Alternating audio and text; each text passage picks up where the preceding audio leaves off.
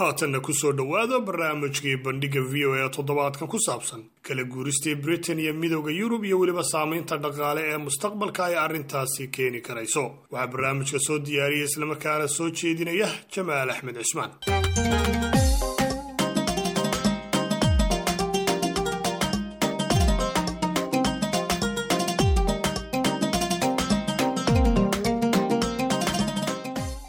heshiiska xurtay waxa uu ujeedkiisu yahay in la dhiirigeliyo ganacsiga gaar ahaan isku gudubitaanka badeecooyinka iyo alaabaha kale. Waxaana alaaba la fududeeya isugooshida badeecooyinka iyadoo la yaraynayo ama meesha laga saarayo. Canshuuraha labada dhinac ee xadka dowladuhu ku kala qaadaan. Dalka ingiriiska ayaa ka baxay ururka midooda yurub.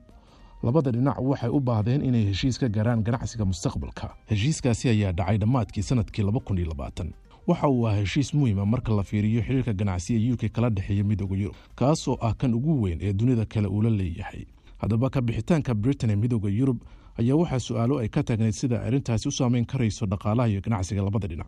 Barnaamijka bandhiga v o a qodobkaas ayuuna ku saabsan yahay waxaa igala qayb qaadanaya qaar ka mid a aqoon-yahano ku takhasusay arrimahan islamar ahaantaasina isha ku hayay arrimaha ganacsiga ee dalalka yurub iyo britain. Cabdiraxmaan sheekh cismaan oo bartay cilmiga dhaqaalaha deganna magaalada london ee dalka ingiriiska ayaa marka hore v o a sharaxaad ka siiyey sida uu u ekaan karayo mustaqbalka ganacsiga ee labada dhinac isagoo marka hore faahfaahinaya heshiiska ganacsiga ee dhowaantan ay gaareen dalalkaas. Mahadsanid jamaal ka hor intii aan wadankan ingiriisku aanu ka bixin xubinnimadii xubinta ka ahaa waddamada yurub waxa uu qeyb ka ahaa heshiis dhaqaale oo ay wada gaadheen waddamada yurub oo loo yaqaano e e a heshiiskaas waxaa la gaadhay kun iyo sagaal boqol iyo afar iyo sagaashankii.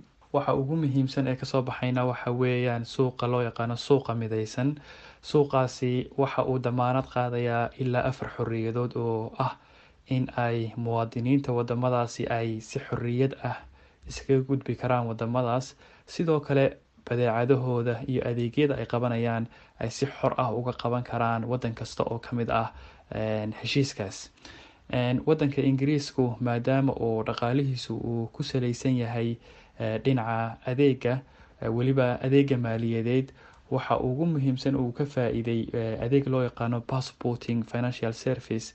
Adeegaas oo fududeynaya in wadan kasta oo ka mid ah waddamada yurub uu ka furan karo wadan kale hay'ad kasta oo maaliyadeed tusaale ahaan markaa hay'ad maaliyadeed wadan kale laga furayo sida bangi oo kale aada ayay u dhib badan tahay maadaama oo loo baahan yahay ruksado licen iyo waxyaabo badan.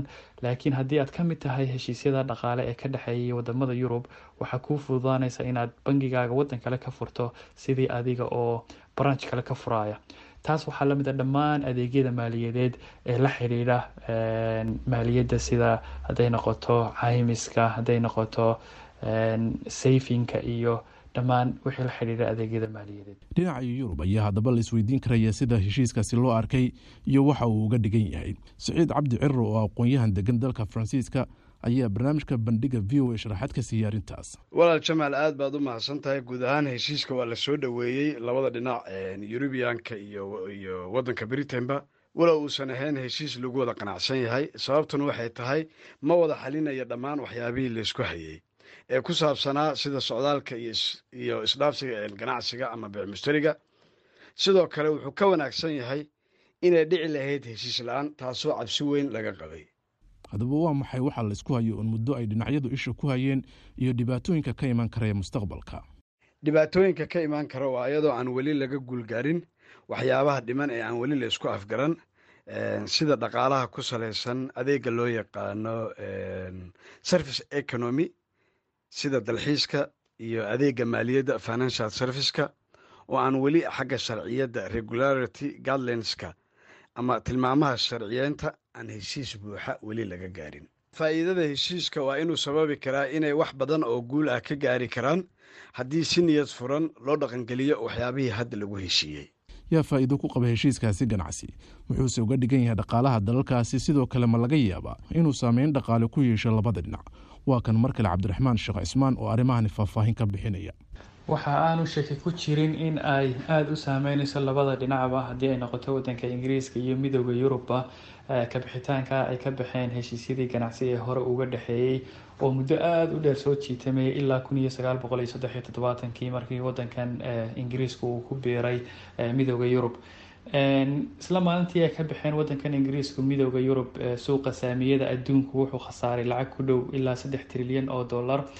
Sidoo kale lacagta wadankan ingiriiska ee poundka oo ahayd lacag aada u xoog badan. Halka boona uu dhigmayay hal dollar iyo badh ka hor intii aanay ka bixin midooda yurub waxa uu gaadhay heer uu u dhigmo halka pound hal dolar hal dhibic laba dollar sidoo kale shirkadaha waaweyn adduunka badankoodu waxa ay degan yihiin wadankan ingiriiska ama ay warshado ku leeyihiin si ay uga sii shaqeeyaan waddamada yurub. Arintaas oo shirkado badan ku dhalisay inay ka guuraan wadankan ingiriiska una guuraan waddamada yurub. Ambaba ay dib u dhigaan qorshayoolshoodii ay rabeen inay hore u sameeyaan sidoo kale dhinacyo badan oo dhaqaalaha ah ayay saameysay sida shaqaalaha oo kale badanka shaqaalaha hoose wadankan ingiriiska waxaa ka shaqeeya dadka wadanka ka mid ah waddamada yurub oo arintaas oo muddada dhow laga yaabo inay saameyso suuqa shaqada ee wadankan ingiriiska. Daraasado badan oo laga sameeyey heshiisyadaas iyo sida ay ingiriiska u saameyn doonto dhaqaalihiisa waxa ay sheegayaan in wadanka ingiriiska uu ku dhowaad waayi doono g d p giisa inta udhexeysa laba ilaa shan boqolkiiba muddada dheer amba muddada shan iyo tobanka ah soo socda.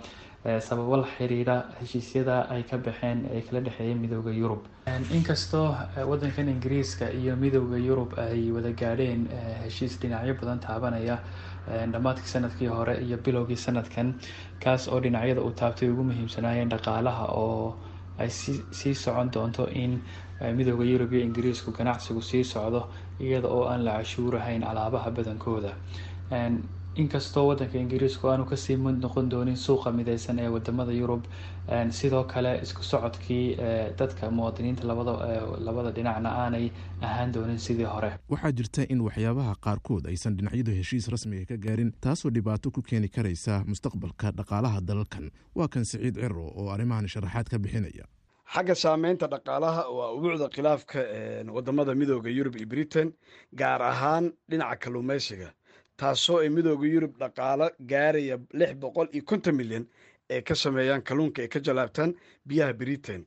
Ayadoo ay midooda yurub ka tanaasuli doonaan boqolkiiba shan iyo labaatan rubuc meel kalluunka ay hadda ka jalaabtaan biyaha britain. Wuxuu saameyn ku imaan doonaa isugudubka alaabaha ganacsiga. Customiskana waxaa la buuxin doonaa waraaqa dheeraad ah taasoo loo baahan yahay in baaritaan lagu sameeyo alaabaha cunooyinka waxayna carqalad weyn ku keeni kartaa kobca dhaqaalaha ee yurub gaar ahaan dowladaha poland iyo sbain oo u dhoofiyo britain wax soo saarka beeraha wadamadooda sidoo kalena ireland gaaska waxay ka heshaa ayadana britain. Marka saameyn xoog leh ayaa halkaa ka imaan doonta. Heshiiskaasi dhinacyada ay gaareen ayaa ka dhigan in u k aanay raaci doonin nidaamyada ganacsi ee midooda yurub maadaama ay ka baxeen waxaa sidoo kale jirta in ay si gaar ah u eegi doonaan arrimaha ganacsiga gaar ahaan dhinaca marka la fiiriyo heshiisyadii ganacsiga ay gaareen oo waxyaabo aad u fara badan dhinacyadu ku qasbaya inay sameeyaan. Heshiiskaasi ayaa sidoo kale suuragal ka dhigaya in canshuur la saaro waxyaabaha qaar ay dhinacyadu isaga kala gudbiyaan taasoo dhaqaalyahano badan ay u arkaan inay caqabad ku noqon karayso dhaqaalaha dalalkaasi mustaqbalka